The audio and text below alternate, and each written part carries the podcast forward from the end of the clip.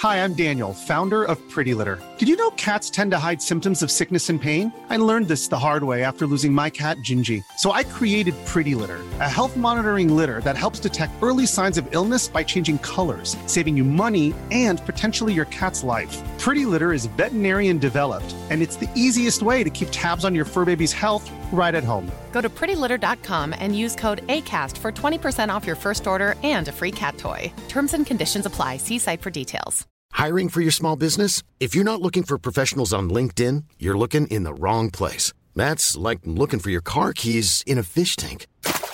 LinkedIn helps you hire professionals you can't find anywhere else, even those who aren't actively searching for a new job but might be open to the perfect role. In a given month, over 70% of LinkedIn users don't even visit other leading job sites. So start looking in the right place. With LinkedIn, you can hire professionals like a professional. Post your free job on linkedin.com slash people today. Millions of people have lost weight with personalized plans from Noom. Like Evan, who can't stand salads and still lost 50 pounds. Salads generally for most people are the easy button, right? For me, that wasn't an option. I never really was a salad guy. That's just not who I am. But Noom worked for me. Get your personalized plan today at Noom.com. Real Noom user compensated to provide their story. In four weeks, the typical Noom user can expect to lose one to two pounds per week. Individual results may vary. Hej och hjärtligt välkomna till Teknikveckan. Och vi är tillbaka med en intervju. Och det är ingen mindre än Anton Berg ifrån Spår. Hallå hallå! Uppföljning kan man säga. Ja, det känns kul att vara tillbaka. Ja, du har varit med innan här och då var det ju fokus bland annat på eh, dokumentären om eh, Knutby och eh, lite andra eh, saker. Det, tidigare vad du hade gjort med Peter dokumentär och sen hur det hamnat under, på spår och sådär. Du har det så att säga gått många, eh, många mycket eh, tåg på spåren. Eller vad man nu kallar det. Och eh, du har producerat hela 12 säsonger av just spår. Ja, vi är ett gäng men, men absolut, vi har, vi har jobbat på. Nu kommer snart ja. säsong 13 faktiskt också. Ja, det är ett gäng. Det är faktiskt där jag tänkte börja. Spår är en del av Third Er Studio. Mm. Som också har andra, ska vi kalla det kanaler eller sådär. För att alla säsonger, eh, oavsett om det är spår eller skuggland och så vidare, så är det ju olika innehåll i olika säsonger där. Eh, finns det, eh, för du har ju, man kan säga du har ju lite om när du producerar spår så är det ju du Anton och Martin Jonsson tillsammans med en redaktion. Nu är ni fyra här senaste, senaste säsongen. Eh, Medan när du gjorde Skuggland här så då var det Skuggland ihop med Anton Berg. Va, hur, hur, ser relationerna ut? I, vad det var egentligen i den här eh, poddsfären när det kommer till eh, dokumentärerna du gör? Eh, ja men alltså Spår startades jag, mig och Martin eh, och där är, eh, är, vi jätteglada att vi har kunnat anställa fler personer som hjälper oss nu. Eva-Lisa Wallin och Maria Hansson Bottin som är två jätteduktiga radioberättare och journalister som, som hjälper oss att liksom växla upp där och kunna, för vi märker ju att folk vill lyssna på mer spår men jag och Martin kan liksom inte klona oss själva. Eh, så det där är ett sätt att eh, dels eh, kunna göra mer spår men också kanske kunna vidga eh, synen på vilka typer av eh, ja, brott vi kan ta upp och vilka historier vi kan berätta där. Men sen har jag känt ett behov av också kunna berätta historier som kanske inte är eh, typiska brottsfall i, i, grunden utan mer kanske människoöden och mer draman så att säga. Och då har jag haft eh, förmånen att få gå ihop med, med Third Air Studio i ett annat samarbete och då gör vi det under podden Skuggland och då när jag gör den så är det Anton Berg tillsammans med Skugglan. Okay. Att intervjua dig är ju som att ha ett eh, smörgåsbord framför sig. Nej, det är nästan som att ha den här eh, som man ser man ska illustrera just eh, brott och utredning och så vidare. Har man en helt, har man en hel tavla framför sig med eh, olika eh, pennstreck som eh, går dit och dit och dit. Och det, du, du, är så, du är ändå så en himla bred eh, individ här. Vi, vi måste prata om spår, vi måste prata om Skugglan, vi måste prata om en man i en hiss. Vi måste prata om författarkarriär och så vidare. Eh, så att eh, jag ska se, jag tar ner bollen här nu och jag tänker att vi börjar med en ekonomisk fråga istället. då. För att när vi pratade om eh, dig och det du hade gjort eh, förra gången så var du, eh, vi kunde läsa lite mellan raderna, att du var eh, lite kritisk mot eh, public service ersättningsmodell. Att det var lite tufft att göra eh, podd, eh, P3 Dokumentär och så vidare eh, rent ekonomiskt. Och Det är också någonting som har pratats om i branschtidningar och sådär. Att det ges inte så mycket pengar till produktionsbolagen och att eh, egentligen jobbar eh, för självkostnadspris och sådär. Mm. Finns det, känner du dig mer fri och finns det mer ekonomiska muskler då i den privata sfären genomförd er studio? Ni är fyra alltså i redaktionen. Har du en större frihet nu? Ja men det har jag ju och jag, jag inser också att i dessa tider nu där, där det skär ner inte minst på Sveriges Radio men egentligen i hela poddbranschen och ah, hela världen skär ju ner. Liksom. Det, det är tufft för många. Då är jag otroligt privilegierad. Eh, jag inser det liksom. Men jag inser också att det varit på tok för länge som Sveriges Radio har betalat på tok för lite för P3 Dokumentär som är ett sånt flaggskepp och ett sånt viktigt program. Men eh, frågar du dem så går det ju jättebra de har ju folk som vill göra det här programmet så att eh, jag förstår att de är helt nöjda. Men för min del så är jag jättetacksam över att få ha utvecklat mig själv som berättare under de åren när vi jobbade där för Peter Dokumentär. Eh, det har ju gjort sen att en, en, en stor andel lyssnare hängde med oss när vi gjorde spår. De visste liksom vem jag var, vem Martin var och eh, det gjorde att vi kunde fortsätta berätta fast för en ny digital värld med Acast tillsammans. Men sen har det också på sikt lätt, tack vare det jobbet vi gjorde sen där då med, med spår och de fall, jag menar att vi började med Kaj Linna-fallet där och att det gick som det gick gjorde ju sen att vi fick liksom fortsätta göra spännande saker. Eh, och, och, det har sin tur lett till att vi har då eh, valt att låsa in podden, skaffa en stabil ekonomi genom trogna prenumeranter. Och det är eh, otroligt eh, häftigt att få känna det att vi kan anställa när folk avskedar. Det gör också att vi måste vårda såklart det vi gör väldigt noga. Vi är ju väldigt måna om att de här prenumeranterna stannar kvar och att de dessutom blir fler. Men eh, peppar peppar och, och, och, givet som det är idag så har det också gjort att jag kan göra de här lite mer knäppare och, och, och mer udda historierna. Eh, som till exempel mannen i hissen du nämnde faktiskt är. Ja, vi ska komma tillbaka. Jag skrattar. Det är ju en, det är ju en historia som inte vi ska skratta åt. Men jag kan inte sluta tänka på det faktumet att han skapade ett Instagram smeknamn som, hette Hiss, som heter Hisspojken. Eh, Nej, så det, det är humor. Viss eh, humor där, ja. Men ibland så hör man eh, dig bara. Ibland så hör eh, vi eh, Martin Jonsson. Och i eh, avsnittet med eh, Grizzly här så, så hör vi eh, Eva-Lisa Wallins eh, röst eh, väldigt mycket. Och ibland blandas det och så vidare. Du, hur, hur sitter ni där och bestämmer vem som vem, vem är det som ska vara liksom berättaren i den här säsongen av Spår? Ja men så är det ju och man kan säga att vi hörs kan man säga, vad ska vi säga då? Nej men alltså den som hörs mest är den också som har gjort mest jobb kan man säga. Att Eva-Lisa Wallin hörs mycket i Grizzly-säsongen är för att det är hennes grundjobb som ligger till grund, eh, grund för hela den berättelsen. Det är hon som har gjort nästan alla intervjuer och så. Och sen så hjälper jag och Martin till. Eh, vi, vi vet ju att våra röster är viktiga för podden och för liksom att hålla spårformatet. Eh, men det kan också finnas poänger med att man hörs vid olika tillfällen. Det blir ju till exempel då om jag ut, gör en intervju så blir det konstigt om någon annan berättar att eh, ja, men man såg fiskmåsarna cirkla över oss där vi satt på parkbänken. Ja, det kan ju egentligen bara reporten som var där på plats berätta. Liksom. Eh, men ibland så finns det också eh, poänger med att byta röst för att citat kanske en röst ska dra. Om man ska citera långa stycken från en dom, det är ju perfekt att byta röst då. Liksom. Så att eh, vi jobbar ganska mycket så. Ni tog ju det till en eh, helt ny synkroniserad nivå du och eh, Martin i, eh, i fallet med Julia. Då. Eh, hur ni då, där byter ni rätt mycket just mellan upplevelser. Upplevde jag det som. Jag vet inte om det var något du tänkte på. Att ni kompletterar varandra bra.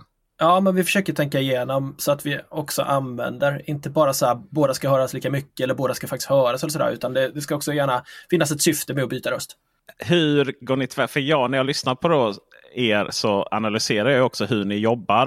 Eh, för att jag vet själv hur mentalt trött, uttröttande det är för mig att planera eh, innehåll. Vad som ska in vad. Jag jobbar mycket då i själva redigeringen. Alltså jag, jag filmar eh, tid. Så, eh, jag redigerar och filmar i samma ordning. Så det som mm. ska vara först i en film filmar jag först. Och det som är mm. slut. Mm. Jag har extremt skönt. svårt att filma vid olika tillfällen. och så. Eh, för då eh, min, min eh, Blekinge-hjärna räcker inte till där brukar jag säga. Eh, men ni har, ju, ni har ju mycket där att ni dels gör utereportagen och sen gör ni, eh, läser ni in då. Eh, du har byggt en box där ser jag bakom dig. Där du får förbättra ljudet också. Jag läste eller jag hörde i någon intervju att du inte var riktigt nöjd. Eller läste kanske det var att du inte var riktigt nöjd med ljudet i, i, i din... Är det ett garage du sitter i? Eller du ja, har det är en friggebod. Friggebod var det, just det, ja. precis. Ja, och det har du fixat till. Och sådär nu. Eh, lång, lång utläggning här. Eh, men, men hur jobbar ni med just att bygga upp storyn, eh, avsnitten i vad som ska komma in vad? Sitter ni och skriver långa manus? Sitter ni och har liksom trådar på väggen? Eller hur, hur, hur går det till rent praktiskt där, för att få ihop det? Vi har ju, ja men vi har väl börjat med, dels börjar vi pitcha inför varandra. Den här storyn tror jag på. Den, har, den innehåller det här och det här är konstigt och det här borde vi undersöka. Kommer man förbi det och säger, där alla säger att då kör vi, då, då görs det en hel del research och intervjuer. Och sen börjar, och redan i det stadiet så börjar man också skissa på hur de olika avsnitten bör se ut i textform.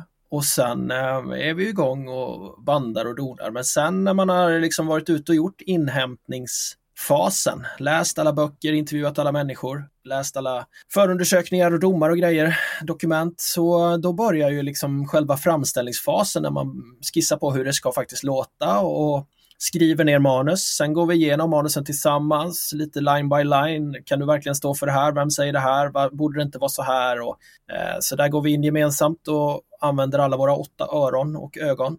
Och sen bandar vi våra eh, prator och eh, bygger ihop projekten eh, lägger musik och sen skickar vi det till ljud... Eh, till, vad heter det? Ljudtekniken heter det. som mixar alltihopa. Ja. Som, inte, som inte är Dennis Klarin för de som känner till, lyssnar på podden innan. Här. Dennis Klarin är vår ljudtekniker. Han, han får detta bandet. Men ni har annan. Eh, ni har otroligt bra ljud. Och när du tog in ljudet ifrån Tingsrätten i Malmö. När i säsongen med Julia så lät det nästan som att du var inkopplad på mickarna. Det var otroligt bra ljud. Ja men det, det kan man göra där också. Det är precis så. Man, man, det finns en liten sån, eh, vad heter den här kontakten du vet med tre stift? Eh, XLR-kontakt. XLR ja. ja. Mm. Och jag vet att förr i tiden när det kunde hända att det var flera radioreportrar som följde samma rättegång. Då fick man bara koppla in sig om man dessutom hade en vidarekopplingsdosa. Så att det inte bara var, nej nu, jag kom först, jag tog allt ljud. Men eh, det var ingen trängsel nu senast kan jag säga. Nej, och vi, och vi tar eh, lite Julia där för att denna fallet som jag funderar ju också lite så vi ska eh, alla som lyssnar på denna intervjun här nu har ju naturligtvis inte lyssnat på spår. Men den Julia-säsongen eh, är den fortfarande upplåst eller har ni låst ner den igen? Ja, vi låser upp den till och med den 13 februari när vår nya säsong om infiltratören kommer. Men fram tills dess så kommer den vara gratis. Och detta går ut idag fredag den 9 och det Perfekt. betyder att ni har då, eh, ni har då eh, några dagar på er att lyssna på eh, Julia säsong eh, vad blir det? 11? 10. Det är en makalös historia. Eh, tragiskt på alla sätt och vis. Det finns ingen ingenting i detta som inte bara är oerhört tragiskt. Eh, det ska sägas att eh, det kom ut ett avsnitt här nyss då. Men eh, vad, eh, vad har hänt med Julia? Eh, den eh, säsongen då är upplåst här eh, fram till och med 13. Sen, sen är det ju så att, eh, att eh, betalar vi för Fördel Studio så får vi tillgång till alla säsonger, alla avsnitt. Det är inte mycket pengar Anton eh, att betala. Det är ju fortfarande runt 45 kronor var, per månad. Ja, 49 tror jag det är. 49. Mm. Möjligen måste vi höja här snart med tanke på hur inflationen har varit de senaste ja. åren. Har, det har varit 49 sedan starten här. Men men vi vill, inte, vi vill inte ta alldeles för mycket betalt för det här. Vi vet att folk har tv-abonnemang, eh, folk har sina digitala abonnemang och vi är jätteglada för att människor vill vara, vara med och liksom stötta vår journalistik och, och vi tycker att det, det ska vara det ska vara skäligt, vi måste kunna gå runt men det ska heller inte liksom, vi är inte, vi är inte i den här branschen för att bli rika. Nej, eh, så är det. Angående ju då eh, vad händer med Julia eh, här. Eh, ska vi då inte, vi ska inte gå in för mycket detaljer här då just för att det finns möjlighet att lyssna för den som inte, ni inte har gjort det här då. Eh, antingen här då till den eh, 13 februari eller om ni då eh, blir prenumeranter på Third Studio. Eh, men så jag ska liksom, det är därför jag också ställer frågorna lite flytande då eller lite mer öppna. Eh, Anton, eh, min fråga är. Ni har gått ifrån att göra eh, poddar om historiska händelser. Som sen i och för sig redan första säsongen då blev en historisk händelse i sig då när Kajlina fick resning och sådär. Men det har varit mycket historiska saker. Det har varit till och med så att ni har fått jaga vittnen och sånt. Och, eh, men i just vad hände med Julia? Och Julia är då en kvinna som hette Julia Augustin. Som eh, bodde här i Malmö. Där gjorde ni ju mycket och stora delar av säsongen under tiden eh, händelserna skedde. Utredningar, domstol, tingsrätten och nu hovrätten. Uh, och Det har också varit några sådana tidigare där, där ni till och med har liksom pausat säsongen för att ställa frågor till lyssnarna om det finns mer information att få. Mm. Det måste vara ett väldigt annorlunda sätt att producera innehåll än att ha historisk fakta. Ja men det är det faktiskt. Uh, här, här, visste vi ju inte alls på förhand var vi skulle hamna. Vi hade en ganska god idé. Vi visste att det skulle liksom inte sticka iväg totalt. Men det var också någonting som var väldigt intressant med att följa det här fallet eftersom vi också fick, det var själva premissen här, Julias eh, mamma och bror tyckte att de fick för lite information av polisen om vad som har hänt Julia. Och, och, kände att ingen hörde dem när de protesterade mot det och hur de blev behandlade av Polismyndigheten. Så, så därför pratade vi med varann och de tyckte att kan inte ni då försöka luska ut vad som har hänt med vår dotter och syster? Tack vare goda kanaler in i Eh, utredningen så, så, lyckades vi också. Men vi visste också att mycket av det här kommer vi ändå inte kunna publicera förrän det faktiskt väcks ett åtal. Så det fanns liksom hela tiden eh, två sidor där som vi var tvungna att beakta och, och väga mot varandra. Och det, det skapade ibland eh, enormt huvudbry för oss men till slut så är vi väldigt glada över sättet vi kunde göra den här säsongen på. Det är inte alltid vi kommer fortsätta jobba på det viset. Det är också ibland eh, först när man kommer 30 år senare som folk börjar prata i vissa fall och sådär. Jag menar, Kajlina-säsongen var ju både och för att där, där tog vi ett gammalt fall där Kajlina hade suttit 11 år eh, för det här mordet och sen Sen gjorde vi vår granskning och sen så sköt det fart igen och så satt vi där på hovrättsförhandlingen och följde den och släppte den nästan ja, samma vecka den var. Liksom. Så att ja, vi har ju gjort både och. Vi har ju till exempel valt att inte nämna namn på de misstänkta här i Julia och det, det finns de som frågar varför, vad fasen, eh, det finns ju en dom nu, då borde ni väl nämna namnet, men det är också sånt där, då får vi vara istället då överdrivet försiktiga eftersom vi när vi börjar med det här inte vet hur det kommer sluta. Och det tycker jag har funkat bra. Um, så att eh, det här blir nog kanske inte sista gången vi gör på det här viset. I det här eh, fallet så det kom ju till hela, hela säsongen av att eh, Julias eh, mamma och bror kontaktade er ju. Ja, vi kontaktade varandra. Jag kommer inte ihåg vem som ringde vem till slut, men, men vi fick tips okay. och sen, men, eh, men visst, det, utan deras utan att kunna ha deras liksom stöd och deras känsla av att fasen ni måste ju, kan inte ni hjälpa oss här? Då hade det inte blivit någon säsong. Nej, för du måste få så himla många människor som kontaktar dig och vill att du ska göra dokumentär om just deras fall? Uh, ja, så himla många, men, men visst får vi tips.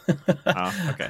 En av nackdelarna med att låsa in sin podd, uh, det är ju att man inte når ut riktigt lika mycket längre. Uh, så vi, när, när podden var gratis fick vi mer tips. Så var det ju. Det var så? Ja. Mm. Nej, men jag tror att till och med det nämndes där i, efter just Kajlina fallet där. Om att det var många som eh, som, som hör av sig och att i många fall när det granskades så, så var det nog rätt. Det var kanske inte så konstigt att domen hade blivit som den blev då. Men att ni sen hittade fall där det, där det begåtts många övertramp.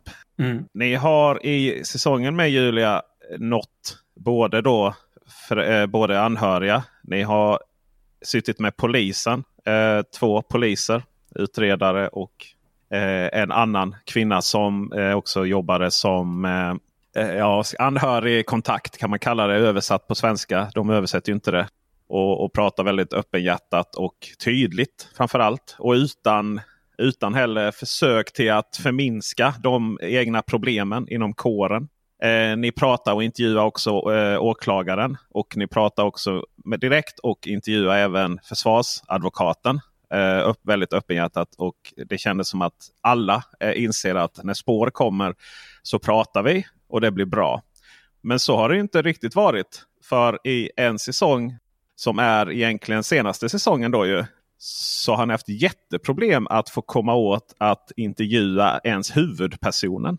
Genom att ni inte har kommit in och få intervjua på fängelset. Stämmer det? Mm. Nej, det är verkligen så. Alltså, Förr kunde det vara så när man jobbade för Sveriges Radio att man ringde och, och hörde av sig från Sveriges Radio. Då fanns det ju naturligtvis en, en väldigt eh, stor tyngd i det och folk ställde upp. Och likadant när man sa P3 Dokumentär efter några år så var det ju sådär, då var det folk som aldrig har snackat innan som plötsligt, ja ja men det där är bra, det vill vi vara med i. Det kände jag att det var ett jäkla grymt erkännande.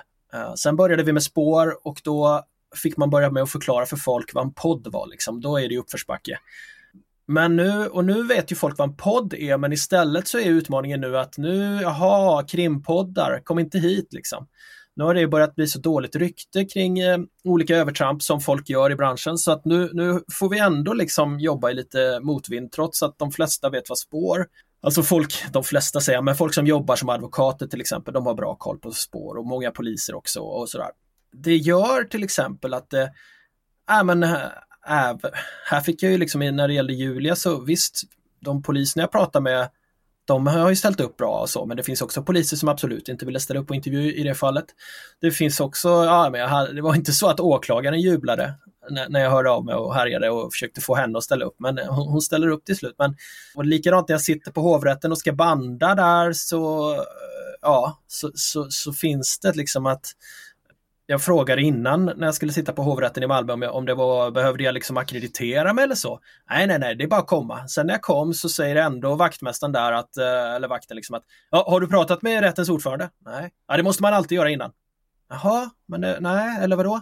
Och så får jag höra att det kan komma folk som sitter där och bandar saker med laptops och grejer. Eh, så det är väl inte bara heller krimjournalister utan det är väl ett allmänt liksom det finns ju högerextremer, till exempel äh, extremister som håller på kverulerar och dummar sig. Så visst, det är ett annat klimat idag när många kan spela in. Men det du nämner där är att vi hade också problem med kriminalvården. Och det har ju verkligen, det går i vågor, men jag skulle tro att de är precis som polisen idag väldigt ansträngda.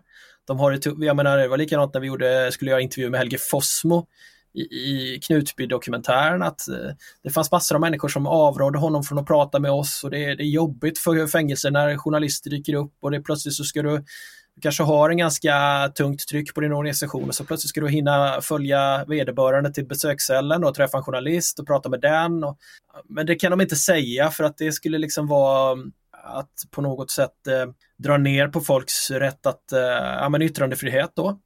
Uh, men sen uh, så istället hittar de på konstiga jävla svepskäl. Ja, ni får komma och intervjua oss men du får inte ta med någon bandspelare. Jaha, men det är väldigt svårt för mig då när jag jobbar med ljud. Ja, nej, du får, ja men du vet så här. Uh, och det där har blivit värre. Kriminalvården har blivit svårare att ha att göra med de senaste tre fyra åren. I detta fallet så fick det först, ni fick nej när ni var från spår. Mm. Och sen så fick ni ja som frilansjournalist. Och sen fick ni nej ifrån spår. Jag tror till och med att det var så att vi sa, Maria hörde av sig som frilansjournalist bara, hon nämnde inte spår och så sa hon, nej men jag är journalist, jag vill träffa den här personen. Ja, nej det går inte. Här överklagare och överklagare, nej, nej, nej, nej, nej. Vad fan, okej. Okay. Eh, vi fick aldrig någon rimlig jävla förklaring heller tyckte vi. Då eh, beslutade vi att be en annan eh, manlig frilansjournalist höra av sig. Han skrev samma sak, ja jag är frilansjournalist, jag vill intervjua samma intern, samma intagna person. Ja visst, det går bra. Ja, jag vill, göra, jag vill banda. Ja, ja. Och det var ju helt sjukt ju. Det enda som skiljer de två är ju typ könet. Det gick väl också upp till eh, att ni överklagade det här och, och, att Kriminalvården fick ändå rätt. Det var bara att de ändrade sina argument där eh, baserat på att... Eh, det är helt oförklarligt. Helt oförklarligt. Som triggar mig alltså det triggar mig något så oerhört mycket. För det är, eh, det är ju lite det här som är ett tecken på hur välfungerande ett samhälle fungerar. Och, och även om det är otroligt jobbigt att bli granskade så är det ju så vi någonstans behåller våra demokratiska institutioner. Att inte de fallerar åt någon form av alla institutioner kan bli för, inte introverta är inte rätt ord, men alla institutioner kan bli för eh, man tar genvägar när man inte tror att det kommer bli några konsekvenser. Liksom. Och så är vi ju alla som människor. Liksom. Alltså för mig är det, var det helt isande att se det där. Hur, jag visste att, att det finns ett godtycke inom kriminalvården och många andra myndigheter också. Men här är det verkligen maktens arrogans alltså vi ser. När de inte, ja. när man tycker att den ena får komma, den andra får inte och man beslutar lite sådär med ganska dålig argumentering. Och att ändå när vi överklagar så går man alltid på myndighetens linje, nästan aldrig på journalistens. Och det är ju helt isande när man tänker sig om de hade argumenterat på samma sätt med Kaj Linna, då hade vi inte gjort en säsong av Kaj Linna och då skulle jag säga att han hade suttit kvar. Ja, verkligen. Och då är ju nästa fråga är ju det här att kriminalvården har ju dock ingenting att vinna på Alltså de är, är ju inte ägande av någon form av prestigefråga runt. Om man sa, fan, ja, frågar man dem idag så skulle de väl bara vara glada om folk kommer ut från deras fängelser. ja, slipper ja, de visst. jobba. Men nej, nej men alltså skämt ja. åsido, nej. Det är vad fan. De ska ju bara se till att vi kan ha ett möte där jag kan intervjua en människa som, som har sin grundlagsfästa rätt att prata med journalister. Ja. Det, blir, det är ju helt sjukt. Vi ska lämna eh, de avgörande minuterna i Åtvidaberg som det handlar om. Men om ni är mer intresserade av vad som händer där runt den frågan och naturligtvis hela säsongen och, och, och så. Eh, så finns är det då säsong 12 här av Spår. Ryan Reynolds här från Mint Mobile. Med the price of just about everything going up during inflation, we thought we'd bring our prices down. So to help us, we brought in a reverse auctioneer, which is apparently a thing. Mint Mobile unlimited premium wireless. Ready to get 30, 30, bit to get 30, bit to get 20, 20, 20, bit to get 20, 20, bit to get 15, 15, 15, 15 just 15 bucks a month. So, Give it a try at mintmobile.com/switch. slash $45 up front for 3 months plus taxes and fees. Promo for new customers for limited time. Unlimited more than 40 gigabytes per month slows. Full terms at mintmobile.com. Millions of people have lost weight with personalized plans from Noom, like Evan, who can't stand salads and still lost 50 pounds. Salads generally for most people are the easy button, right? For me, that wasn't an option. I never really was a salad guy. That's just not who I am. But Noom worked for me. Get your personalized plan today at Noom.com. Real Noom user compensated to provide their story. In four weeks, the typical Noom user can expect to lose one to two pounds per week. Individual results may vary. Ja du, att bli fast i en hiss en hel helg, Anton Berg. Är det något du har drömt mardrömmar om efter att du gjorde en podddokumentär om Thomas Fleetwood? Mm. En man som fastnar i en hiss. Ja, det är ju helt, alltså när man ser den hissen också. Jag, jag bodde ju på samma hotell som han ägde då i Bad Karstein. Men först efteråt och då har de ju renoverat bland annat hissen så den är mycket större nu. Eh, så jag försökte sätta mig in i hur han hade haft det men det går ju inte riktigt för den här hissen var ju Alltså den är som en liten telefonkiosk om ni kommer ihåg hur de var. Alltså det är tre man stående där inne, då är det fullt. Där fastnar ju han i, i fyra dygn då. Åh fy fan. Ja. ja, det är verkligen klaustrofobiskt. Utan mobiltelefon? Nej, det var det som var problemet och när han ringde på larmknappen då gick den ju bara ner till receptionen och hela hotellet var tomt för det var off season när det här hände. Mm. Det var ju liksom hans eget hotell då och han skulle bara ner och hämta en grej i repan och så glömde han mobilen och så stannar hissen. Och så blir han kvar där. Och det, det är ju upptakten kan man säga. Exakt! Att... Varför? Ja, Anton Berg går och gör en en hel... Och det är också så många avsnitt också. Man bara tänker. Vad är vad handlar det här om egentligen Anton? Hur har, har han fått storhetsvansinne? Nu är, vi, vi, vet att Anton Berg är Sveriges mest prominenta podd-dokumentärskapare. Eh, mannen med rösten. Mannen med den raspiga rösten som min son säger. Alltså, du sa innan att det är ett privilegium att få jobba med det här. Men det är ett privilegium att få ha dig. Att du jobbar med här i Sverige, Anton Berg. Men nu går det alltså att göra en podd om en man i en hiss. Och, och, och hela avsnittet handlar ju också. Första avsnittet handlar ju om varför i hela friden du gör detta. Och vi ska faktiskt inte heller avslöja varför du gör det. Eh, men, men det är klart att det finns, eller varför varför. Vi ska inte avsluta, vi ska inte avslöja liksom slutet och så. Men, men någonstans så hur tusan gick det här till? När den här eh, säsongen eh, som är en del av Skugglan då inte spår. Va? Ja men så är det. Ja, men det, är klart att eh, jag hade mina tveksamheter kring den också. Kan man göra så här? Eh, samtidigt så kände vi att Skugglan är ett forum för, där vill vi liksom utveckla poddandet. Vi vill eh, berätta historier som inte har någon annan plats. Jag hade aldrig kunnat pitcha den här till Sveriges Radio till exempel. Eh, så jag, jag tänker att eh, jag är ju väldigt liksom nästan för, håller på att säga, transparent i själva podden med hur det går till och hur den här historien kommer till mig, mm. för det gör den. Men kanske finns det, kanske borde jag varit lite tydligare i slutet på avsnitt ett. För att vi, första avsnittet är gratis och sen säger vi till folk, vill ni höra fortsättningen så får ni betala 49 spänn då. Då är det fem avsnitt till och då handlar det om vad som händer när Thomas Fleetwood faktiskt kommer ut ur den här hissen. För det är egentligen då han hamnar i verkliga problem. Och jag, sen säger inte jag mycket mer än så. Och det Nej. kanske inte räcker. Jag, jag har också fått folk som har hört av sig. Ah, jag, fan, det tog ett år innan jag bestämde mig för att lyssna på den här podden. Jag, och då frågade jag direkt, varför, varför tog det sån tid? Nej, men jag tyckte inte det lät så spännande där i slutet. Så kanske borde vi tisat ännu lite mer om de makalösa äventyren som fortsätter i Lissabon när Thomas hamnar, eh, han skaffar sig en liten bar och hamnar i klorna på och också tas om hand av olika, man skulle säga två olika advokater av helt olika virke kan vi säga. Mm, det kan man verkligen säga. Ja, och sen börjar förvecklingar där jag faktiskt befinner mig vid ett tillfälle på konstjakt. Och mm. jag kan säga att det var sjukt spännande.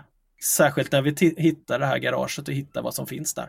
Ja, man mer får, än så säger jag inte. Man, men... får följa, man får följa med där på en, och det är ju hisnande äventyr. Man får lite sådana här, de här när världen var väldigt mycket, du vet när vi var små då, när vi var mm. lite yngre. Mm. Eh, så var ju världen inte riktigt lika stor som nu. Och, och jag, jag, vet ju när det var på den tiden då släktingar åkte utomlands och kom hem med Toblerone som var större än det var hemma. Då var ju världen väldigt stor för en liten och sådär. Och, och, och James Bond var ju sån här, hela grejen var att man fick följa med liksom runt om i världen på olika ställen. Coola kasinon, häftiga stränder. Ja, men exakt. Och, ja, ja, men jag, jag, får den här, jag får den här känslan liksom i hela introt här. När, bra att du får det. Här, liksom, ja, men Europas bra. bakgator. Och, och, och liksom, ja, men det var verkligen det meningen. väldigt bra. Och jag tror att det, det fanns, det som fanns inom mig var en uppdämdhet. För jag har rest mycket med min familj när jag var liten, sådär runt Europa med bil och, och grejer. Och, och jag, jag märkte att jag, var, att jag hade saknat det så enormt under pandemin. Så att när jag väl kom till liksom, alltså när jag bodde på det här hotellet i Bad Gastein, när jag också fick, liksom, det är första gången jag varit i Lissabon hela mitt liv och jag måste bara, jag kan bara rekommendera den staden till alla, den är helt fantastisk. Så jag, och sen så liksom, just att Thomas vänner då som är de som har hjälpt honom här, de är så utspridda. Någon bor fan på Filippinerna, en annan på, Irl ja, på Irland och någon bor i Nice och de liksom måste då stråla samman för att hjälpa sin vän som inte har någon annan. Alltså det, var, det är en historia om um, ensamhet, om vad som händer när man blir utsatt och gammal och vad, vad sann vänskap egentligen är och vad den kostar. Mm, ja, det är det. Jag var också sån. Det var inte ett år jag gick mellan ettan och men det var lite så här. Jag lyssnade med den som vi ofta gör då eh, i bilen då. Eh, jag och min son och sen så sitter min hustru med hörlurar bak och lyssnar på Stadsbyggnadspodden och sådana roliga saker som hon, hon, hon är intresserad av. Vad i helvete! Eh, Utkonkurrerad av den alltså? ja, precis. Utkonkurrerad av Stadsbyggnadspodden. ja, det är tufft så är det när man alltså. är gift med kommunala, kommunalarbetare. Eh, men då sitter vi här och lyssnar. Och det var ju väldigt typiskt sådär att han, han tappade ju intresset. Eh, för det var, ju, det var ju väldigt långt första avsnitt om en hiss och en man i en hiss. eh, och sen, så, men samtidigt så förstod man ju att eh, någonting mer fanns det då men det, var ju, det, det, tog ett tag där innan man, innan, innan man gick in på liksom resten av avsnitten. Men sen när jag, jag satt och har lyssnat klart så jag bara, jag bara tänkte alltså det, det finns ju ingen annan här svenskspråkig journalist som hade fått ihop detta Anton. Alltså det går inte. Ja men det är vänligt sagt. Ja men det, men det, ja, det är jättesnällt sagt men, men den har ju... Det, ja, nej men det fanns ju en historia här och det fanns mm. eh, och det, det, är möjligt att ibland blir det långt. Ibland, men, och det är tufft också eftersom jag har jättemånga intervjuer men inte så många på svenska. Och det, folk Nej. pratar engelska fast med ganska dålig brytning, alltså tyskar som pratar engelska. Jag tycker att det är fantastiskt. Mm. Jag älskar ju att det liksom adderar men det gör ju också det svårare att lyssna. Och sen kom vi till Portugal och portugiser som pratar engelska älskar jag också. Men det är inte heller lätt att lyssna på. Eh, men jag tänkte att fan, det, det får det vara värt för det, det, så ska det låta. Folk ska känna doften, de ska höra ljuden, de ska liksom få atmosfären. Det är ju Österrike. Bergastein är ju, mm. är ju Öst, Österrike. Ja, Österrikiska alperna. Ja. Så nej visst. Ja. Och sen en advokat som helt plötsligt tappar sin engelska. Men eh, det där eh, ska vi inte spoila så mycket mer. Tänker jag. Eh, vilken, vilken grej. Och eh, det är dessa två poddäventyr som du eh, jobbar med. Det är Spår och sen så har du då gjort eh, tillsammans med då Skuggland som ju är så att säga inom samma sfär då för er studio. Saknar du tv någonting? Saknar du? Ja, men vi har faktiskt en grej på gång där också. Det kommer i augusti kommer en dokumentär om Anderstorp och när eh, Smokey fick Formel 1-VM till Sverige. Oj då, ja. oj då, oj då. Vi går tillbaka till 70-talet. Mm. Mm. Just det, det är, kvar den. Det är makalösa personer, uh, makalösa karaktärer och uh, polisonger och mustascher, solglasögon. Mm. Uh, drömmar som är för stora egentligen för ett litet Sverige och sen så plötsligt så bara Nej, men på den här torrmossen ska vi bygga en motorbana och vi bygger den direkt så stor som man kan köra VM och varför då inte se till att Formel 1-VM kommer till Sverige? Alltså det är ja. helt makalöst. Varför inte? Ja. Flygplats också. Ja, ja visst. Det var en del av hans vet, plan. och så, oh, vad härligt, ja, vad spännande. Och, och då ska man ju också prata liksom att det största problemet med Anderstorp nu är det alltså att uh, miljö, uh, ljudregler då. Mm. Uh, att det låter för mycket på den här banan. Då, där mitt ute egentligen uh, Småland, uh, Gislaved. knappt bor ju knappt någon där. Alltså fascinerande är det. Så fascinerande. Vad va, va kul. För Knutby-dokumentären. Det är väl den vi har funderat lite så här när man, för, för, för, för mig det kan vara lite svårt att intervjua dig Anton. För att du, jag är en dålig intervjuare. För jag ser, som du märker så är jag ju ser jag ju upp till allt du gör. Då, va? Till och med din röst. Eh, så då, då kan man ju vara lite så här, om man vill vara lite kritisk då. Eh, kritisk intervjuare. Ja. Det var till och med så att i förra intervjun så tackade du till och med att det var en generös intervju. Och då visste jag, då hade jag inte ställt några kritiska frågor. Men jag har övat här nu. Kör! så jag, Kör. Jag, jag, har jag har letat fram några här nu. Ja. När jag gjorde den intervjun och om Knutby så pratade vi lite om den och, och, och, jag tog egentligen upp bara kritiken mot det kreativa. Det vill säga att det var väl uppenbart att senare det var inspelade i efterhand, vissa av dem då. Eh, så att säga. Och det var ju, och det brett pratade vi också om, för det var ju svårt att springa runt med GoPro-kameror eh, och, och, och, och fånga ögonblicken. Eh, men sen samtidigt så tyckte jag det var väldigt bra gjort och det är också så man ska göra det. Eh, och det men det var det, det var det vi pratade om. Men sen så läste jag också lite att ni, hade få, ni har fått lite kritik för hela dokumentären och att folk Folk tyckte inte att de presenterades så som de kanske ville. Var det så? Eh, det riktas en, en viss kritik då. Ja. Hur hanterar man, för det, det pratade vi också om här, eh, det här att ni är ju tydliga ibland att ni gör inte de här dokumentärerna för de här huvudpersonernas skull. Utan att det handlar ju om ett, någonting större. Och att det ibland kan krocka där. Men, men hur, om du får den, den kritiken som gavs, eh, om du kan förtydliga den lite och, och vad är liksom svaren där? Ja men det fanns ju då några personer som kände sig felporträtterade från den gamla Knutbysekten. Där eh, hade de liksom, ja så här var det ju. Dels var det ju då Daniel Linde som eh, hörde av sig för att han tyckte att vi använde för mycket av SOS-samtalet som vi ville visa en poäng på att vi ville spela upp det i ljud när han ringer och håller på att dö. Uh, han ringer då. Han har blivit skjuten, ja. hade grannen. Han är väldigt utsatt i den situationen. Man måste handskas mycket varsamt med det, med det samtalet. TV4 hade själva blivit fällda för att ha spelat upp mycket av det i en av deras dokumentärer. Och då vill vi spela upp av det. Vi vill att man ska höra Daniels verkliga röst i den här situationen för polisens transkribering av samtalet är felaktig. Det finns nämligen två röster på, på inspelningen och polisen har skrivit fel. Och vår, eh, vi vill ju undersöka om det är så att det finns fler personer som har varit involverade i eh, planläggningen eller direkt involverade i själva mordet. Och då tycker vi att det där är en stor sak. Jag ringer då Linde, vi, prat, vi kommer överens om att vi får spela upp en liten del. Exakt vad en liten del är, det eh, kommer vi inte definiera i det där samtalet och efteråt så säger Daniel Linde att han tycker att vi har spelat upp alldeles för stor del. Han är mycket arg. Jag menar att vi har kommit överens och får spela upp en så stor del som vi behöver. Där, kan vi, där tycker vi helt enkelt olika. Och det är, det är tråkigt men jag, jag vet inte om jag hade gjort likadant idag igen eller inte men vi, vi gjorde en överenskommelse som jag tyckte var tydlig och han tyckte inte det. Jag har lärt mig att till nästa gång får jag vara ännu tydligare då. Men sen fanns det en annan del av, en annan kritik också. Det var att av de liksom hundra personer vi har intervjuat som haft olika delar i den här sekten så var två missnöjda och tyckte att vi hade visat dels ansikten på sektmedlemmar från gamla arkivklipp. Man såg vilka de var.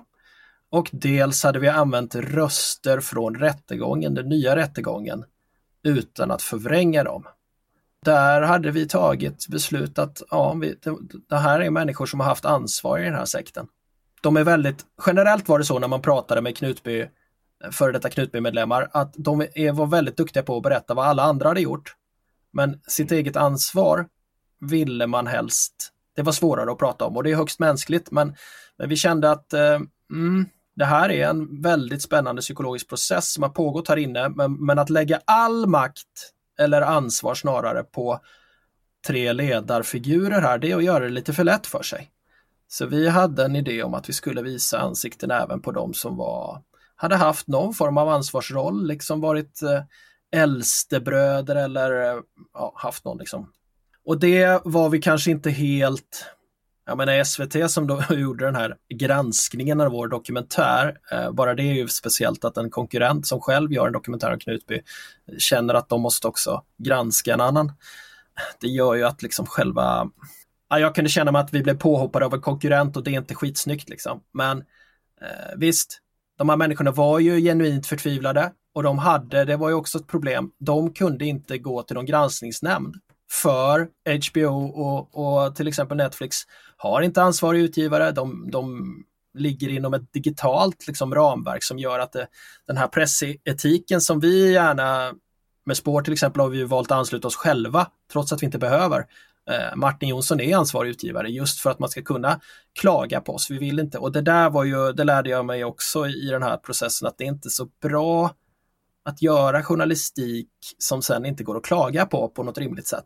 Nej, för då blir, det blir inget avslutat fall heller för er där. Utan granskaren blir en konkurrent i form av public service. Även om det finns kanske mindre, det finns nog tuffare konkurrenter med mindre kvalitet på sin granskning än det där. Ja absolut och de kom ju fram till, de sa ju också i den här, det var kulturnyheterna, att ja men ni har ju, många av dem vi har pratat med som ni har varit i kontakt med och intervjuat säger att det, allting är bra. Ja, man bara, tack då. Ja, och, så, ja. det är, och det är ju ja. så här, det är ju det är ju omöjligt om man, gör, om man pratar med hundra personer. Att hundra personer är nöjda med den kommunikationen eller hur det sen blev. Och jag kan väl känna att jag beklagar att vi har varit otydliga mot vissa, men jag står 100% för den dokumentären vi gjorde. Ja. Nej, men det hade ju inte gått att göra annorlunda. Jag har svårt att se att resultatet... Man kan välja att inte visa ansikten. Det hade kunnat vara en stark historia ändå. Man hade kunnat förvränga ljud, absolut. Men eh, det här var de val vi gjorde och de kändes rätt då. Tycker det finns inget tråkigare än när du har gruppbilder. Jag satt och kollade på eh, dokumentär om en amerikansk dokumentär om eh, Hillsong-rörelsen. Mm. Eh, mycket gruppfoton och filmer och så vidare. Tänk, tänk, tänk om allt var blurrat. Liksom.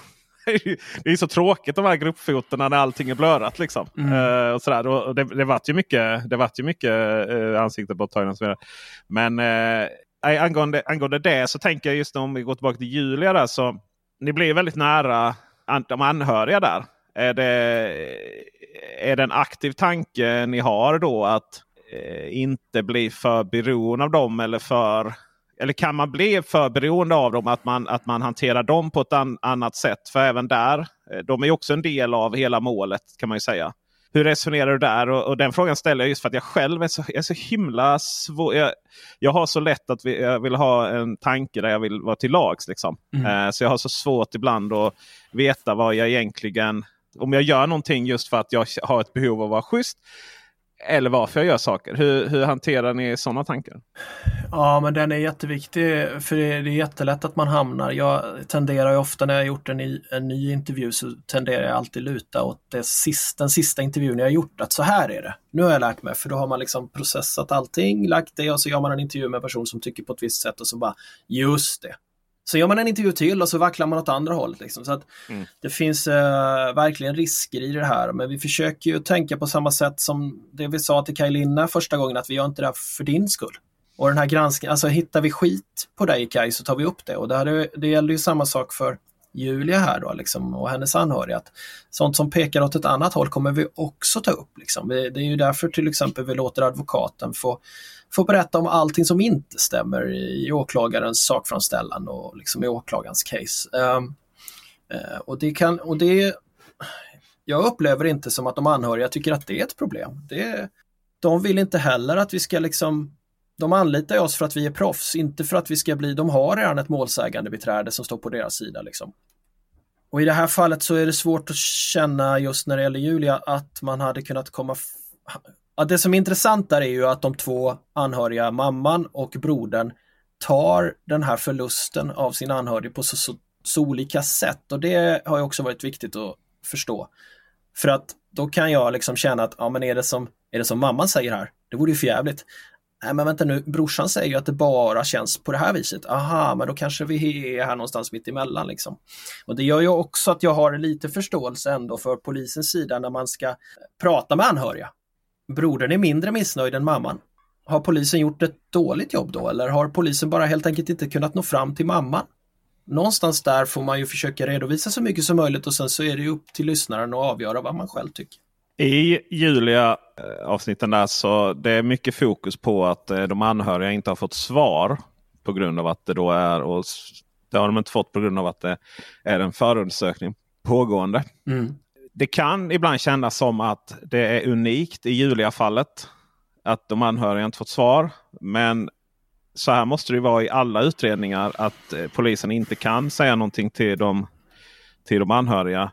Vad var det som vad var det som satte igång just de frågeställningarna just med fallet Julia? Då? Ja, men I Julia-fallet så är det väl unikt på det sättet att det tar sån otrolig tid innan, innan de får. Och de blir lovade att snart får ni och snart blir det åtal och snart blir det åtal och så händer ingenting.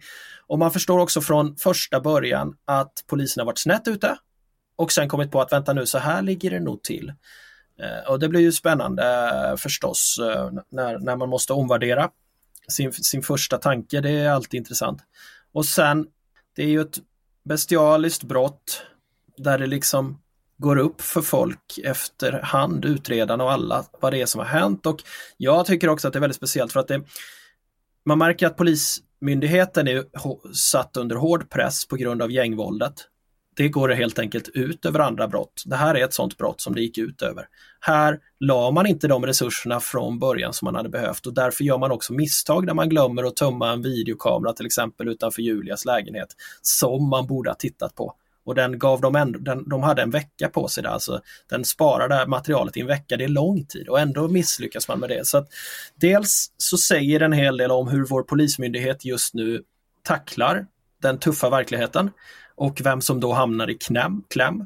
Julias anhöriga till exempel.